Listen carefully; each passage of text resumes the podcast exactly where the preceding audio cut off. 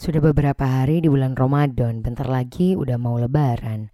But you know what? This podcast jangan kebawa mimpi doang, kisah inspiratif yang aplikatif, supported and empowered by Dynamic Indonesia, sebuah digital marketing and branding agency yang I would say pretty dope in Pontianak akan berbicara langsung dengan salah satu stakeholder atau pembantu UMKM dalam sistem kasir nih.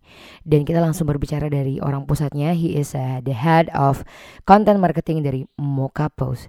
Trust me, this guy really got something. So take your note and check it out.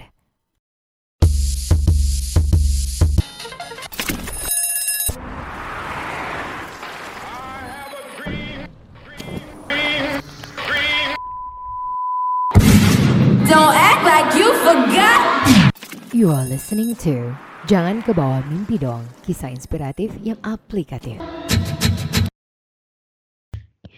Halo, Assalamualaikum. Welcome back. This is Jangan Kebawa Mimpi Doang, kisah inspiratif yang aplikatif, guys. Dan ini udah gak kerasa, udah episode ke-9 kita. Baru sih sebenarnya ya. Dan alhamdulillah kayaknya, um, um, you know, by the time kita ditemukan uh, dan dapat beramah-tamah dengan guest-guest yang luar biasa yang udah recognize uh, podcast kita mungkin. Thank you for all of you who've been listening to, this podcast. Dan kalian tahu seperti yang tadi udah di intro di depan bahwa ya saat ini kita bersama salah satu uh, head of marketing, head of content marketing, sorry, dari Moka. Halo, ga, halo bro. Halo, halo, halo semua. Ini pendengarnya dipanggil apa ya? Nggak ada panggilannya. Nggak ada Pendengarnya nggak ada panggilan. Gak ada panggilannya. Ya, a- atau, atau lu ada suggestion gitu? Mau dipanggil apa? Oke. Apa ya? Nggak tahu sih bahasa gaul di sana. Nggak Eh, tahu. bahasa gaul. Oh, bahasa gaul di Pontianak apa ya? Eh, but anyway, eh, ini kenapa sih kita bisa ngobrolin hal kayak gini? Mungkin karena kita ngobrol sama seorang eh, digital marketer juga kali ya di sana ya. Head of content, eh, he- head of content, head of content. Ini saking nervousnya kayaknya gue nih ngobrol sama Hilman nih. Halo Hilman, apa kabar nih lo? Halo, halo, baik-baik. Lu gimana? Alhamdulillah, thank you banget lo ya for accepting our invitation to talk with us, you know. Oke, jadi posisi lagi di mana nih? Di New York, Paris, atau Jakarta? Waduh, jauh sekali New York. Atau jangan-jangan lagi lagi umroh lu? Apa? Lagi umroh. Tapi lagi umroh terus eh, masih ini podcast oke juga sih. Kayak workaholic gitu kan. Soalnya kan Moka di Pontianak tuh udah kayak sangat-sangat bergerilya gitu kan di mana-mana di Pontianak nih mostly lu bakal ngeliat Moka, Moka, Moka di mana-mana gitu. Dan sekarang salah seorang head lo ini oh head of content marketingnya berada di podcast kita. Uh. Gue ntar mau ngasih editing gitu loh, applause yang banyak gitu loh Hilman. boleh, boleh, boleh. Em, Oke, anyway, uh, em, apa ya? Kayaknya untuk memulai ini teman-teman eh, yang yang kurang tahu nih kita ngomongin apa, terus kok kayaknya gue excited banget bisa ngobrol sama lu. Introduction dulu kali ya bro ke listeners kita yang dari sana. Silakan. Halo, em, nama saya Hilman. Saat ini lagi kerja di Moka sebagai Head of Content Marketing. Mungkin bagi teman-teman yang belum tahu apa itu Moka, sebenarnya Moka itu simply adalah sebenarnya aplikasi kasir. Jadi kalau teman-teman yang nggak tahu, eh, mungkin sebelumnya pernah ke kafe, ke restoran, terus ngelihat di bagian kasir itu kasirnya pakai tablet Mhm. eh, bayarnya segala macam untuk proses transaksi itu mostly sebenarnya itu pakai Moka tapi belum tentu juga pakai Moka karena em, intinya sih kita adalah aplikasi digit aplikasi kasir yang digital di mana server kita cloud gampangnya adalah eh, bedanya aplikasi kasir yang digital cloud based dibanding yang aplikasi kasir biasa yang pakai komputer dan kayak kalkulator besar itu Kalkulator besar. Nah, simply sebenarnya server kita itu ada di cloud di mana uh, business owner itu bisa mengambil data penjualan secara real time. Jadi di mana saat itu ada proses transaksi, di saat itu juga data akan masuk, kemudian in the end business owner bisa ngelihat nih tren penjualan di bisnisnya tuh kayak gimana. Hmm. misalkan kita bisa tahu Indian eh, menu-menu apa aja yang kita jual di toko yang nggak laku dan yang laku. Nah, Hmm. ketika kita udah tahu nih tren seperti itu kayak menu mana yang nggak laku dan menu mana yang laku, kita bisa buat strategi bisnis ke depannya. Kayak bisa aja menu yang nggak laku kita kill, kita udah udah stop jualan, kita fokus aja di menu yang laku. Atau simply di menu yang nggak laku yang nggak laku itu kita Mhm. bakal eh, bisa eh, bikin semacam kita punya feature di mana bisa owner bisa bikin promo program di mana yang nggak laku itu kita kasih promo supaya ngebus dari segi penjualannya. Hmm, Bisa. iya iya iya. Sesimpel itu ya. beberapa feature, ha, dari beberapa feature sebenarnya eh, lumayan banyak lagi. Kita juga eh, bisa ngitung sampai stok penjualan, bahkan Hmm. stok penjualannya ke level eh, resep. Jadi misalkan eh, menu opor ayam bahkan kita bisa track sampai resepnya kayak oh ini satu opor ayam resepnya adalah ayam terus ada santan segala macam. Nah itu ya itu kita bisa eh, enable business owner seperti itu supaya mereka juga bisa tahu em, harga dasarnya satu opor ayam tuh berapa sih. Jadi bisa ngelihat harga jualnya nanti kita mau eh, jual berapa gitu. Wah, Iya. Sebagai seorang eh, user juga sih, gue harus nge-upload banget sih aplikasi.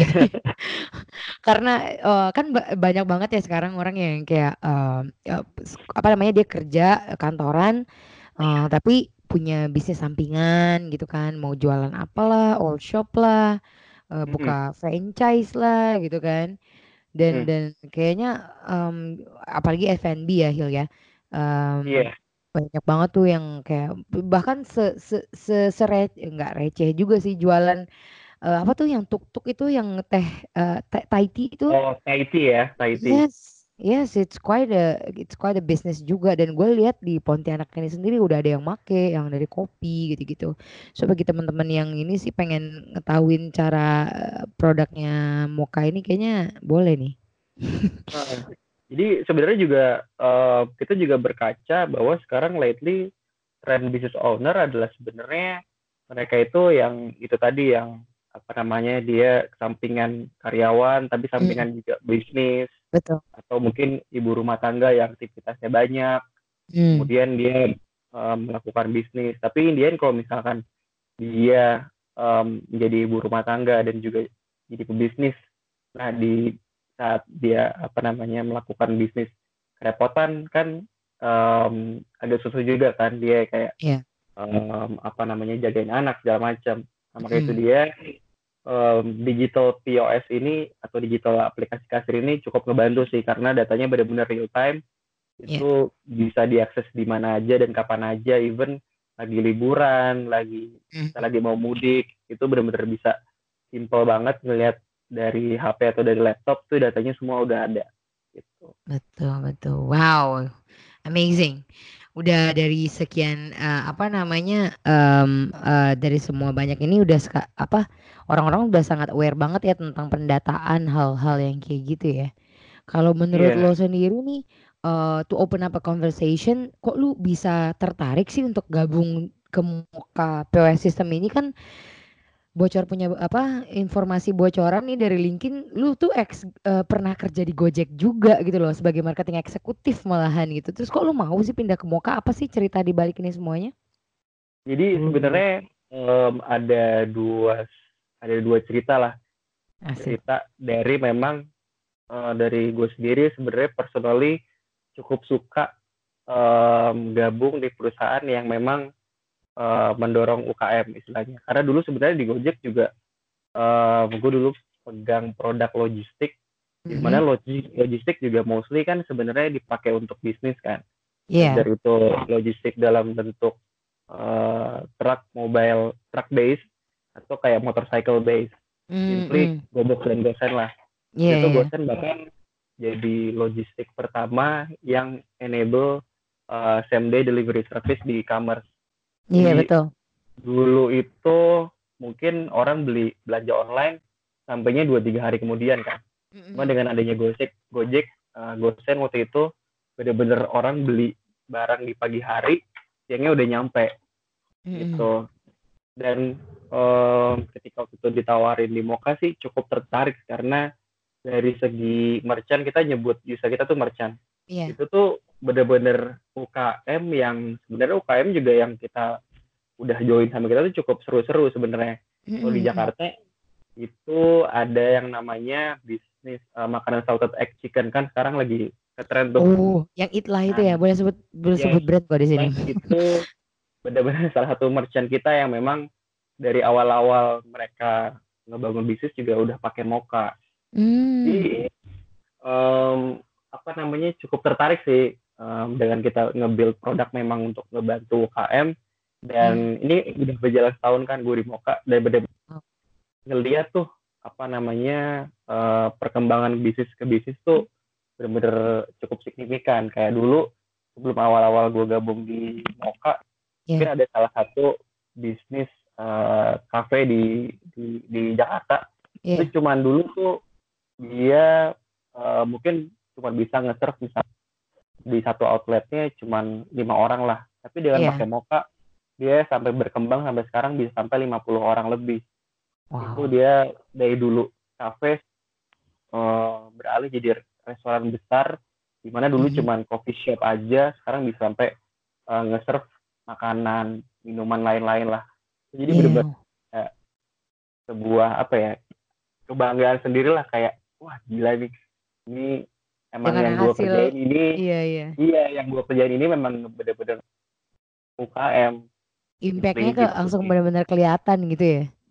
bener-bener kelihatan itu Iya, Dan iya, iya. memang dari segi produk kan memang kita juga keep improving kan Iya. Eh, sekarang tuh fokus kita bahkan bukan cuman kita punya aplikasi kasir tapi kita pengen bikin Moka itu jadi solusi end to end jadi mulai dari dia pakai aplikasi kasirnya terus kita juga bisa provide pendanaan kita namanya eh, ada satu satu salah satu produk namanya Moka Capital itu kita bisa provide pendanaan melalui pihak ketiga Mhm. terus kita juga ada enable uh, mobile payment di mana mobile payment yang udah integrasi sama kita adalah OVO, Mhm. terus aku laku, Kredivo, Dana dan Link aja. Iya, Jadi iya, iya. benar merchant itu udah nggak perlu repot-repot ngurusin EDC machine satu-satu tuh mobile payment di semua tuh kita ada. Terus bahkan sampai jual beli um, ingredient itu kita bisa provide di mana misalkan merchant butuh coffee beans Mhm. atau um, simply bahan-bahan kayak bawang merah, bawang putih untuk Mhm. bisnisnya itu kita bisa sebenarnya. Makanya Sedetail benar-benar itu ya. dari iya dari awal salah satu bisnis kecil sampai besar sebenarnya kita bisa dan kita bisa benar-benar uh, membantu mereka berkembang dari kecil sampai besar gitu. Wow, that's amazing. Mmm, tadi yang membuat gue tertarik itu adalah ketika lu bilang, eee, gue suka nih ngeliat im eee, impact yang sebenarnya gue hasilin gitu dari dari strategi gue when I'm when I'm in that team gitu kan, terus lu langsung bisa ngelihat bisnisnya itu tuh berkembang gitu kan. So, Mhm. Ini nggak sih lo, mmm, kayak kan kebanyakan nih orang-orang malah ngerasa, eee, gue udah di Gojek nih, udah settle nih, kayak you are in your comfort zone gitu yang kayak you can learn so much over there. Apa sih konsiderasi lo gitu loh untuk me untuk membuat suatu keputusan? Karena setahu kita nih Hilman, di umuran yang kayak Gen Gen Y Gen Y kayak gini kan yang ma lagi lagi masa-masa galaunya, yang kayak it's just hard to, mmm, menentuin prioritas aja kadang-kadang tuh susah gitu loh. Dan you have made such a, eee, big decisions, been in with, eee, many smart peoples in the companies gitu. What are the steps that you make to apa sih konsiderasi, cara-cara lu mengkonsiderasi sesuatu gitu? Mmm, sebenarnya sebelum pindah juga cukup menarik, di mana dulu sebelum masuk Gojek juga pas masuk Gojek itu ketika company-nya juga masih cukup kecil. Dulu bahkan inget banget, mmm, pas, eee, mau masuk Gojek, orang tua tuh kayak semacam, "Ngapain sih masuk Gojek?" Mmm, apa namanya mmm, sebelum masuk Gojek, "Kamu mau jadi driver apa gimana?" Gitu. Kayak aneh banget kan. Nah, Mmm. terus ketika apa namanya keluar dari Gojek bahkan orang tua kayak semacam menyayangkan kayak Hmm. misalkan kamu ngapain sih keluar dari Gojek? Kan Gojek udah besar. Itu cukup anomali sih kayak apa namanya perbedaan ketika di awal masuk Gojek dan keluar masuk Gojek. Kemudian masuk Moka juga sebenarnya simply dari segi passion sih karena em, walaupun memang eh, apa namanya lately mungkin kecenderungan anak zaman sekarang mungkin pindah-pindah company itu cukup sering apalagi startup ya. Itu em, simply sebenarnya balik lagi ke passion sih sebenarnya. Apa passion yang mau dikejar? Kalau gue personally memang nyari em, company yang memang punya em, kontribusi sosial. Ya kayak kalau dulu Hmm. kayak Gojek memang eh, visi misinya memang sosial kan Dan dari segi posisi juga sebenarnya memang dari awal tertarik di digital marketing. Ya bukan cuma digital doang bahkan marketing 360 karena sebenarnya digital sekarang tuh bukan cuman kayak lo all about social media sebenarnya. Kayak banyak banget channel digital yang memang bisa kita push kan. Itu Mm-mm. sih dua itu sih sebenarnya yang memang dari awal tuh em, jadi pegangan lah ibaratnya Iya. gitu. Hmm, oke oke. Em, apa namanya lu again and again ya di episode ke-9 ini kayak mostly semua guest kita tuh selalu bilang kayak you have to know your your uh, your end goal gitu lah istilahnya gitu ya. Kayak lu harus tahu uh, passion lu apa dan apa yang sebenarnya pengen lu kejar. Then you make a decision gitu kan ya. Kalau dari Bener. semua uh, dari semua yang udah lu ini laluin gitu, gue tertarik nih. uh, lu kan udah udah berbagai company ya. Apa sih eh bisa lu ceritain nggak ke kita? Hmm, apa namanya eh, significant change atau impact yang yang udah lu bikin di suatu campaign gitu dan mungkin bisa sharing-sharing ke kita kayak gimana thought prosesnya untuk hal tersebut. campaign itu mungkin lebih ke achievement atau gimana? Ya, kayaknya ke achievement kali ya. Terus kayak satu achievement dan bagaimana lu mengachieve hal tersebut gitu. Kalau achievement mungkin em, kalau misalnya dibilang dari segi strategi bisnis pasti muluk-muluk pasti Indian conversion kan kita pengen Mhm. segala macam campaign yang kita lakukan pasti contribute to conversion lah. Cuman Mhm. em, balik lagi sebenarnya apa sih yang pengen kita eh, grow dari segi campaign bukan cuma Mhm. conversion tapi lebih ke arah ngebantu user kita itu berkembang lebih baik. Kayak dulu Hmm. kita pernah punya eh, campaign dulu di zaman di GoBox dulu Mhm. eh, di mana kita kayak semacam nyebar voucher code. Jadi Mhm. voucher code itu bisa di generate sama user. Kemudian eh, each voucher code itu sebenarnya ada semacam kayak diskonnya dari Mhm. 10% sampai 100% lah. Terus kita sebar di beberapa channel digital dan memang itu voucher code-nya itu memang eh, sifatnya kayak localized. Jadi eh, nama voucher code-nya misalkan kayak GoBox Jakarta, GoBox Palembang. Dari situ kita ngelihat nih em, di satu kota itu voucher code-nya mana yang digital paling besar.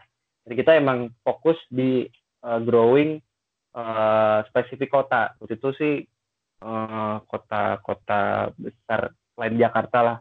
Di Mhm. awal-awal waktu itu GoBox baru mengembangin kota baru. Di situ sih Hmm. bener-bener cukup uh, signifikan sebenarnya dari segi order mungkin kayak biasa aja cuman setelah dari campaign itu kita cek lagi dari segi driver um, kita ngelihat nih dari segi driver revenue yang dia dapat itu bener-bener se dua sampai tiga kali lipat dari biasanya Hmm, Jadi, wow. ketika um, kita habis itu gali dari segi driver. Para driver juga lumayan bukan lumayan lagi sih sebenarnya. Cukup senang sih dengan adanya campaign yang kemarin karena Mhm. bener revenue mereka tuh dua tiga kali lipat dari biasanya. Iya. Jadi, eh, bayangin se-impactful itu ternyata kita melakukan digital campaign dan impactnya benar-benar kerasa. Apalagi bagi driver itu personally cukup senang banget sih waktu itu Wow, tiba-tiba gue denger dengerin lu ngomong kayak gitu seakan-akan ngebentuk pattern gitu loh dari gue. Kan kebanyakan orang marketer tuh kayak gitu ya, yang kayak, "Ih gue pengen nih conversion conversion yang tinggi, pengen nih sales yang banyak," gitu kan. Tanpa yang, eee, tanpa memikirkan ka apa namanya, konsumen eee, yang dibutuhkan oleh konsumen. Tapi bi bagus apa, kerennya di lo tadi pas lo mention, "Iya nih apa sih konsumen gue butuh apa?" Gitu kan. Terus baru Iya, yang lu kita ngomongin ke impact gitu. Benar, apa yang bisa kita contribute dari segi value, Mmm. value apa sih yang kita bisa contribute, bukan Mhm cuman mhm. order dan patient conversion kan. Iya Sebenarnya sama sih kayak mungkin agak aneh ketika ngelihat Moka as a B2B company, oh ada Mhm. content marketing, ngapain sih? Padahal simply Iya. B2B itu kita jualin produk yang memang complicated, ya udah Mhm mungkin mhm. banyakin tim sales yang memang demoin ke beberapa user, bisa bisa dia langsung pakai. Nah, Iya. agak cukup aneh kan kenapa kita fokus investment di content marketing. Iya. Sebenarnya apa yang mau kita kasih adalah value yang memang bukan money sebenarnya, bukan monetary Mhm. value. Mhm. Jadi kita punya program namanya uh, Merchant Hero. Iya. Jadi dari beberapa merchant kita di seluruh Indonesia Mhm. itu kita udah sekitar 18.000 itu um, kita cari mana merchant yang memang uh, brand credibility-nya bagus dan story-nya bagus. Di situ kita gali konten, konten itu udah bisa dari segi video, bisa dari segi artikel, bisa dari sosial media. Nah, kita buat merchant-nya itu um, kita gali testimoninya dia, terus kita gali story-nya dia, terus kita kasih ke orang banyak yang lain. Jadi semacam kita uh, apa namanya merchant hero itu bisa menginspirasi uh, pebisnis-pebisnis lain juga untuk berkembang. Kayak Wow. satunya Itlah itu salah satu merchant hero kita. Mmm. Dia uh, Gue kalau ke Jakarta nggak bisa tuh, nggak makan Itlah tuh harus gitu. Hmm, itu dia makanya. Jadi um, kita waktu itu sempat kerja sama sama mereka, kita bikin Mhm. video uh, namanya Merchant Stories. Jadi di situ dia bener-bener um, ngejelasin seberapa dia bisa uh, ngebangun bisnisnya sampai segede itu. Bahkan Iya. sekarang sampai 12 sampai 15 outlet lah. Terus bukan Wow. cuman Itlah doang, tapi kita juga um, komit um, Mhm. sebulan sekitar satu dua kali itu kita ngeluarin video merchant talk itu durasinya lebih panjang lagi kayak bisa sampai 7 menit sampai 10 menit mungkin kayak semacam webinar kali ya cuman bukan Iya. webinar juga sih um, di situ tuh merchant talk si merchant bisa ngejelasin um, apa namanya tips and trick dia berbisnis terus kisah inspiratifnya um, gimana ada salah satu merchant dia juga uh, ibu rumah tangga juga terus juga dia menekuni hobi hobinya itu kaligrafi nah Mhm. di situ dia nemuin bahwa oh kenapa gue ngejadiin bisnis ya nah tapi bukan Mhm. cuman itu bukan cuman dia ngeliat bahwa hobi bisa jadi bisnis tapi di bisnis itu dia bahkan ngebuka semua orang untuk daftar belajar kaligrafi sama dia. Jadi dia bikin Wow. sebuah komunitas sendiri. Nah Iya. kisah-kisah itu sebenarnya cukup inspiratif yang memang kita pengen gali dari segi konten dan kita pengen sebarin ke bisnis luar bahwa nih ada salah satu merchant kita yang sukses loh. Cuman berdasarkan hobi. Masa kalian nggak Mhm. bisa sih? Deh ayo kita bantu nih. Kita uh, bareng-bareng uh, ngebuktiin bahwa bisnis tuh bukan kayak bakat dari awal tapi emang dari segi kerja keras itu bisa kok sebenarnya gitu sih Wow wow wow wow, that's that's amazing. Eee, gue kayak langsung muncul 3 question itu sih sebenarnya, but first I wanna ask you is that, Hmm. um, sebagai, eee, produk yang POS system ya, kayak mesin kasir lah istilahnya yang yang Iya. cukup complicated bagi baby boomer karena gue sebagai user juga udah nyobain gitu kan, gue aja yang sebagai Gen Y masih yang kayak, "Oke Dayang, take your time, tenang dulu, ini nggak nggak ribet nggak ribet, ini nggak ribet," gitu kan, masih yang kayak merasa sedikit hassle gitu. Gimana sih lu nge-overcome atau nggak overcome sih, gimana sih lu nge-raise awareness gitu loh kalau ini tuh needed beside of like you know having testimony kayak gitu gitu loh. Kalau seandainya kita pengen penetrate market yang lebih besar gitu kan atau pengen, mmm, result yang lebih cepat gitu, apa sih ada ada ada tips nggak nih? Terutama bulan Ramadan nih Bro, banyak yang mau nih kayaknya. Sebenarnya kalau dari segi B2B kita tahu bahwa journey-nya memang lebih panjang kan orang untuk Mhm eh, ibaratnya conversion lah. Kalau B2C mungkin kayak kita lihat Gojek, em, orang-orang bisa simply buka apps Gojek dan dipesan sendiri kan. Betul. Sedangkan di sedangkan di B2B em, agak panjang tuh di mana kayak kita punya campaign, em, kemudian nanti salesnya harus eh, datang ke tempat terus bisa Iya. jelasin, eh dia bisa convert kan. Jadi eh, memang sebenarnya apalagi dari segi konten kita memang benar-benar eh, nggak bisa em, kayak ibaratnya incer ROI lah kita benar-benar Iya. eh, memang nggak bisa secepat itu Mm-mm. cuman kita yakin sebenarnya dari segi konten yang kita bangun Mm-mm. itu muncul semacam long term relationship lah sama si merchant Jadi, Ah. berarti kita membangun hubungan jangka panjang sama merchant, kita retain terus mereka, em, kemudian Indian mereka bakal muncul trust. Nah, trust yang Hmm. sebagai objektif kita ketika kita bikin campaign. Orang nggak perlu em, apa namanya pakai sekarang nggak apa-apa. Yang penting dia Iya. aware dulu, dia tahu Moka bisa ini bisa itu, terus dia Hmm. yakin bahwa Moka bisa ngembangin bisnisnya, baru dia make. Makanya salah satu campaign kita namanya percaya Moka. Jadi memang kita nge-build produk simply buat bisnis percaya sama kita gitu. Wow. This is very nice sih. Gue recently kan nonton videonya Gary V ya. Atau apa gue gue kayaknya non, eh, ngelihat dari em, hasil reportnya Hootsuite juga kayaknya kayak tren digital marketing 2019 ini emang building trust ya sebenarnya ya. Ya? Iya, jadi em, kita tahu kita tahu bahwa eh, orang-orang kayak kita bahkan mungkin orang tua kita juga udah nggak kemakan iklan lah. Iya. Banyak mungkin iklan provider yang nampilin promo doang kayak Indian ketika dia pakai promo dia punya experience yang jelek. Mm-mm. Nah, eh, makanya lately sebenarnya tren marketing itu bukan cuman kayak promo-promo-promo tapi lebih ke arah anti branding. Kayak gimana Hmm. mereka nampilin iklan-iklan yang kreatif. Coba kita lihat aja iklan-iklan kayak eh, apa kayak Gojek, tiket.com di Mm. TV mungkin udah nggak kayak wah promo tiket murah segala macem tapi kayak Betul. mereka nge-build itu aneh-aneh banget kan Iya. bahkan dulu tuh inget banget iklan Ramayana yang dia tuh nyanyi-nyanyi lagu Kosidahan Yang Nah. kerja keras sebagai kuda itu ya. karena sebagai kuda itu Yoi. nempel banget kan itu Iya. tuh bener-bener nggak ada dia bikin kayak promo oh ayo kita ke Ramayana harga murah segala macem nah ke arah situ sih sebenarnya sepertinya tren-tren marketing jadi lebih ke arah anti branding terus munculin trust terus eh, ya anti promo segala macem lah dan Iya. lebih ke arah storytelling sih Storytelling. Gitu. Betul, betul, betul, betul. Em, apa namanya yang bikin gue tertarik itu adalah ketika lu bilang em, iya loh emang kita paham bahwa eh, iya, seseorang ngelihat muka itu emang nggak bisa langsung closing gitu ya eh, dalam pattern B2B business to business gitu ya. Cuman emang penting banget gimana eh, penting banget ya mengetahui customer journey kayak gitu ya. Gimana sampai dia closing gitu. Ada cukup tips penting buat?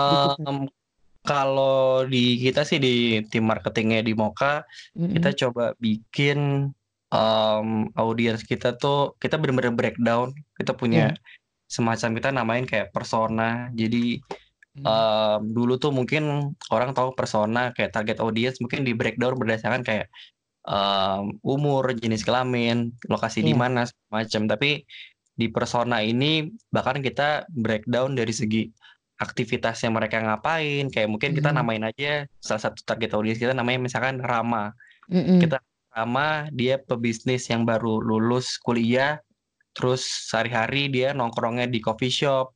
Kemudian em, dia suka ikut seminar segala macam nah Mm. dari situ kita baru tahu nih eh, dari persona itu kita baru tahu oh ternyata kebutuhannya ini ini ini ini. Nah dari situ kita bisa provide. Apa sih yang bisa kita bantu persona si Hmm. Rama ini? Nggak harus kayak kita jualan langsung moka. Nggak harus. Sebenarnya bisa kita eh, bikin campaign ke arah konten edukatif di mana kita eh, punya beberapa event eh, marketing tapi tujuannya lebih ke arah workshop namanya A Cup of Mocha Mhm. jadi Wow, a cup of mocha gitu ya. Cup of Mocha Nice. What a Jadi- plain word. Mm-mm, jadi di situ tuh em, kita eventnya bentuknya workshop edukatif, seminar, dan itu tuh kita nggak ngebawa materinya kayak Moka itu apa sih? Moka bisa gini gini nih. Enggak. Tapi lebih ke arah tips and trick berbisnis. Waktu itu kita punya materi em, bagaimana kita membangun digital marketing. Terus gimana caranya kita mengatur keuangan eh, bisnis. Terus bagaimana kita mengatur operasional bisnis macam-macam. Nah, kita bisa sasar nih si persona persona tersebut. Kayak salah satunya mungkin tadi yang Rama gitu. Mm-mm. Oh, jadi ini it's not only about the age anymore, tapi emang kita ceritain banget apa sih seluk-beluk dari si target market tersebut ya. Menarik sih Benar-benar. sebenarnya. tahu bahwa dia aktivitasnya misalkan suka nongkrong di em, coffee shop misalkan. Iya. Nah, kita tahu nah, dari segi digital, dari segi campaign kita bisa targetin berarti em, mostly lokasi yang misalkan eh, apa namanya banyak yang coffee shop, di mana Hmm. coffee shop itu juga area-area untuk pebisnis hangout. Karena kan biasanya pebisnis owner kan dia nggak kantor kan, Iya dia betul. biasanya kerja mungkin dari rumah atau dari Mm-mm. kafe, terus dia meeting di situ. Nah, di situ kita bisa tap in macam-macam bentuknya tap in nih, apakah kita pakai digital ads, terus eh, mungkin kita bikin konten edukatif juga yang tadi Cup of Mocha di area coffee shop segala macam sih. Gitu. Jadi Hmm. intinya sebenarnya bukan ke arah eh, kita ngelakuin campaign apa nih, tapi lebih ke arah em, siapa sih target audience kita, kita bisa ngebantu apa nih dari segi eh, mokanya sendiri mungkin kemudian apa yang bisa kita bangun dari segi value apa sih yang bisa kita kasih ke mereka gitu Hmm, I see. Very very interesting. Um, iya sih. Ini ini bener. Pokoknya intinya beneran gak bisa dipaksain lah istilahnya ya. This is all about story anyway and like giving more value to the customer gitu. Kalau mm, ini pesan lu untuk teman-teman yang sekarang sedang berjuang mencari omset di bulan Ramadan apa nih? Lu buat sendiri. Hmm. buat pebisnis atau sesama marketer nih Um, I think pebisnis kali ya lebih ininya. Mereka kayak "Oh, apa nih yang harus gue lakuin biar gue lebih cuan nih gitu. oke jadi eh sebenarnya Moka sendiri juga punya campaign spesifik Ramadan Mm-mm. di mana campaign itu benar-benar kita punya satu page sendiri, eh, satu website page. Di situ tuh kita benar-benar nge-push beberapa artikel yang memang informatif eh, dan itu juga based on data dan research kita mengenai tren-tren bisnis. Terus Hmm. juga kita punya e-book eh, digital eh, book di mana itu download eh, bisa di-download gratis Mhm. di situ tuh apa namanya kita kasih informasi tentang tren-tren bisnis bahwa kita tahu kalau misalkan ternyata bisnis em, fashion yang lebih ke arah hijab itu tuh di Ramadan tuh lagi naik-naik banget dan kita Iya. tuh punya em, spesifik item hijab warna apa terus juga hijab model apa di situ Wow. jadi em, pebisnis benar-benar tahu kalau misalkan teman-teman yang punya bisnis fashion khususnya hijab bisa tahu nih kayak oh warna ini ternyata yang lagi ngetren nih. Jadi gue bakal fokus banget eh, jualan di warna yang ini deh, model yang ini deh, atau gue bikin promo deh segede-gedenya supaya trafficnya tinggi. Itu Ini ini itu eh, bayar nggak sih yang ini? Eh, Ini sangat-sangat bagus banget sih menurut gue. Nggak ber itu nggak berbayar sama sekali jadi benar-benar gratis kita push bahkan mungkin eh, kita bakal ngeluarin setiap hari em, si artikel ini jadi benar-benar bisa dikonsumsi publik dan benar-benar gratis juga si e-booknya Oh, di Gitu. mana tuh kita bisa dapetin? Em, coba aja klik di info.mokaplos.com slash bantu lebih baik Wow. Wow. jadi Keren banget. salah satu campaign Ramadan kita bahwa kita memang dari segi mokanya sendiri pengen ngebantu merchant-merchant kita lebih baik lagi di bisnis uh, di bulan Ramadan ini gitu. Wow, amazing, amazing. Thank you so much ya, um, Hilman, to be uh, to be in our podcast. Nggak kerasa udah 30 menit lewat aja nih kita ngobrolnya. Oh iya, ya? oke, Hmm. udah overtime. Iya, no, it's okay. Ini kita tadi sebelumnya kita juga udah ngobrol lumayan banyak gitu sampai curhat-curhat gitu ya Hilman ya. Thank you banget loh ya. Iya. thank you, thank you, thank you atas By the way nih eh, sebelumnya sebelum eh, we close the the this episode, um, ini kita uh, is there uh, we would like you to challenge kayak tiga orang yang menurut lu uh, have to be and we have to listen to their story di podcast jangan ke bawah mimpi doang. Siapa ya guest yang kira-kira recommended buat lu harus hadir di sini? Untuk ngomong ya? Yoi. Hmm, siapa ya? Mungkin salah satu um, teman saya juga sebenarnya Mhm. dia lagi focusing on building UKM. Oke. Dia itu um, di Gojek juga sebenarnya. Wow. Dia dulu eh selesai sih dulu memang lagi nge-build Gojek wirausaha, cuman nggak tahu sekarang posisinya apa sih. Jadi itu lumayan menarik juga ketika kita nanti gali testimoninya sama dia. Hmm? Itu apa namanya industri UKM bakal mungkin dibahas tuntas sama dia. Wow, that's Satu. exciting. Ya, Siapa namanya? satu lagi Andit namanya. Coba aja Andit lihat di LinkedIn Andit Nur Intasoro. Nur Intasoro. Wow, oke. Terus satu lagi mungkin em, sesama teman di Moka. Ya. Jadi dia head of activation-nya di Moka. Wow. Mhm. Eh, rekan saya juga Jafar Fakhri namanya. Jafar Fahri, oke. Iya, jadi dia yang memang komit untuk nge-build si A Cup of Mocha ini seminar Hmm. edukatif di mana bahkan satu quarter dia bisa nyelenggarain A Cup of Mocha di seluruh Indonesia bisa sampai 20 event dalam Really? tiga bulan. Iya. Jadi dia mastermind-nya nih. Jadi ketika kita gali informasi-informasi mungkin menarik sih dia. Hmm, menarik, menarik. Terus yang ketiga siapa nih? Siapa ya? Baru Ayo, kepikiran siapa? dua ini sih. Hmm, Eh, Anyone in mind? Belum ada sih. Kira-kira pasti eh, dua orang itu yang saya kepikiran. Oke, sure thing. Thank you banget ya Hilman dan uh, surely kita bakal minta kontaknya dia sih sama lo. Orang yang dua boleh, ini. boleh, boleh banget. Uh, uh, is there any last message message atau pesan kepada seluruh listeners out there? Pengen Eh, sampaikan? Mhm. mungkin khusus buat eh, pebisnis.